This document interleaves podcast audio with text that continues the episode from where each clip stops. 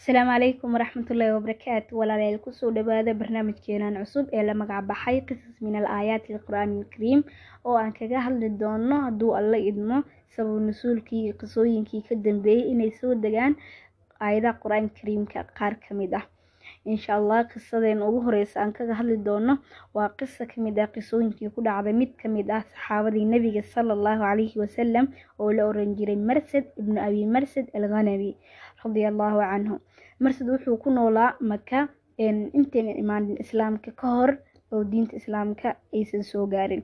Waxa uuna lahaa saaxiib ama sida afka qalaad lagu dhaho garfriend magaceedana wuxuu ahaa canaaq dabcan ma aysan ahayn kuwa isqabo oo isku xalaaleh balse waxay lahaayeen xiriir oo habeenada qaar ayay isla qaadan jireen qamriga isla cabi jireen iyo wixii la mid ah. Waxay sidaa ahaataba muddo kadib waxaa yimid islaamkii marsad wuxuu aqbalay islaamkii oo wuu qaatay oo diinta islaamka ayuu soo galay. Kadib markii la amray nabiga salallahu calayhi wasalam hijiradii nabiga salallahu caleyhi wasalam wuu hijrooday.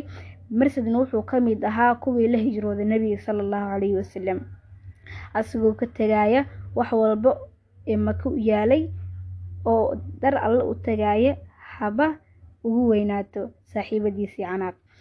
Bilooyin kadib nabiga salallahu caleyhi wasalam wuxuu ku dadaalay sidii uu yacni loo soo bixin lahaa dadkii maka jooga ee lagu haystay. Marsad wuxuu ka mid ahaa dadkuu nabiga salallahu caleyhi wasalam soo dirtay masjinkaasna ama howlgalkaas uu u fuliyo. Waxaa waxay ahaayeen dadkaasna kuwo maka joogay oo lagu cadibaayay iyo kuwo kale oo weliba ayakoo soo baxay maka ka soo tagay madiina u soo socda la qafaashay qoraysh ay qafaasheen ee weliba xabsi geliyeen meeshaana ku cadibaayeen marsad wuxuu ka mid ahaa saxaabada rasuulka salallahu caleyhi wasalam kuwa ugu awooda badan ugu xooga badan ugu taf ah weliba dhiifoon. Sidaas ayuu nabiga salallahu caleyhi wasalam ugu dooray oona ka dhigay mid ka mid ah raggii arrintaas loo fulinaya marsad asagoo qisada noo warinaya ayuu yiri waxaan ka soo tagay madiina oo waxaan ku sii siqay maka waxay ahayd xili uu dayaxa buuxo oo yacni iftiinkiisii buuxiyey. In sidii uu socday wuxuu yiri waxaan gaaray mid ka mid a ceelasha maka ceelashii maka asigoo isku dadbaya isku qarinaya ayuu wuxuu rabay inuu galo magaalada maka sidii ayuuna sameeyey sidii uu socday oo u sii siqaya wuxuu arkay canaaq wuu iska qariyey. Markaa kadib ayadana waxay aragtay hooskiisii ayay ku tiri marsad. Wuu aamusay mar labaad ayay tiri marsad. Iyadoo arkaysa hooskiisa ayuu yiri hee markaas haa waa anigii buu ku yiri.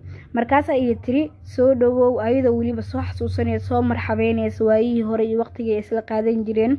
Marsad ayay ku tiri kaalay inuu imaaw oo nala bari caawa xaafadeyda waqti isla qaadanayna markaas ayuu asigana wax labalaba asigoosan ugu jirin oo yacni ma aadaam iska dhaafta ayuuna wejigeedii soo hor istaagay ayuu ku yiray canaaqay ilaahay siinada wuu xarimay.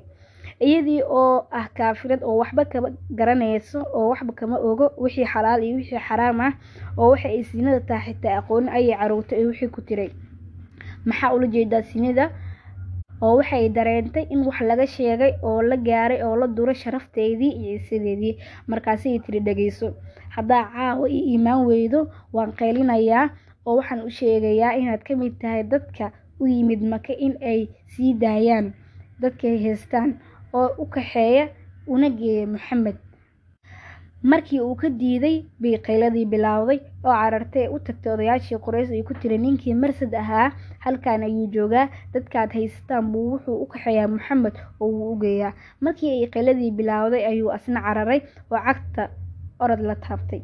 Markaas ayuu suu u cararaya wuxuu tegay buur lagu magacaabo alqandama. Buurtaas god ka mid ah ama god meesha ku yaalla ayuu isku qariyey. Wuxuu yiri asigoo nooga qisoonaya waxaan tirin karaa oo waan tirin karaa ayuu yiri sideed ka mid ah nimankii ugu xooga badnaa maka oo fardo wada saaran oo isoo raadceynaya baadigoobkeena ku jira ilaa ay ka imaadeen buurtii aan godkeega kaga jiray oo in muddo ah ayay meeshii joogeen asagana godkii ayuu isku qarinayay marsad oo uu jaqafta iyo iska ilaalinayay si aan loo maqlin aanan loo arkin. Markii ay ka quusteen raadintii ayuu mid walba koray faraskiisii ayayna u laabteen meeshii ay ka imaadeen. Ilaa mid ka mid ah mooyaane oo godkii uu ku jiray marsad ku xaaji fushay marsidna madax ugu shubay. Asigiina alle ayaa ka indha saaray oo yacni marsidna ma uusan arkin. Markaas buu isna iska baxay. Mar labaad ayuu noqday marsid oo mishinkii nebiga u soo diray howlgalkii nebiga sala allahu caleyhi wasalam ayuu u noqday ayuu wuxuu soo aaday maka wuuna ku guuleystay inuu kaxeeyo mid ka mid ah muslimiintii lagu cadibayay halkaa oo silsiladii buu ka furay qaarna qaar duudka ayuuna saartay. Ilaa uu ka imaaday meesha lagu magacaabo al idqir oo ahayd meel maka marka banaanka lagu soo baxo kale banaankeeda ahayd. Dhulkii ayuu dejiyey marsed saxaabigii uu waday markaas ayay sidai u socdeen waxay galeen ayagoo lugeynaya magaalada madiina.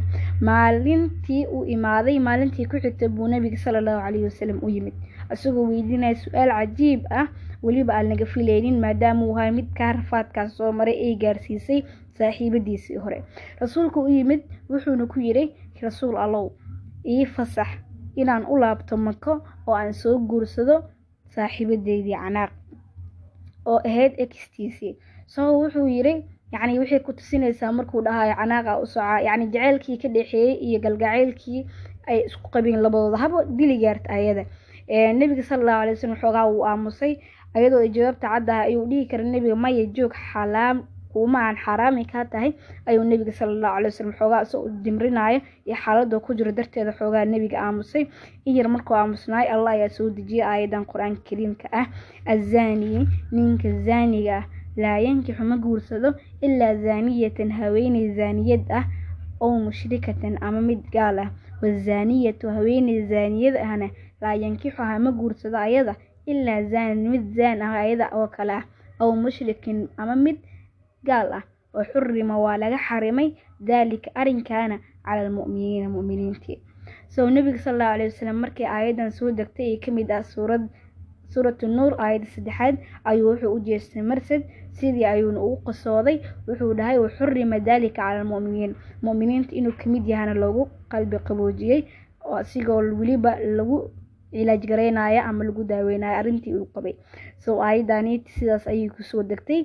Azani laa yankixu ilaa zaaniyatan aw mushrika waazaniyatu laa yankixuha ilaa zaanin aw mushrik waxurima dalika cala almu'miniin.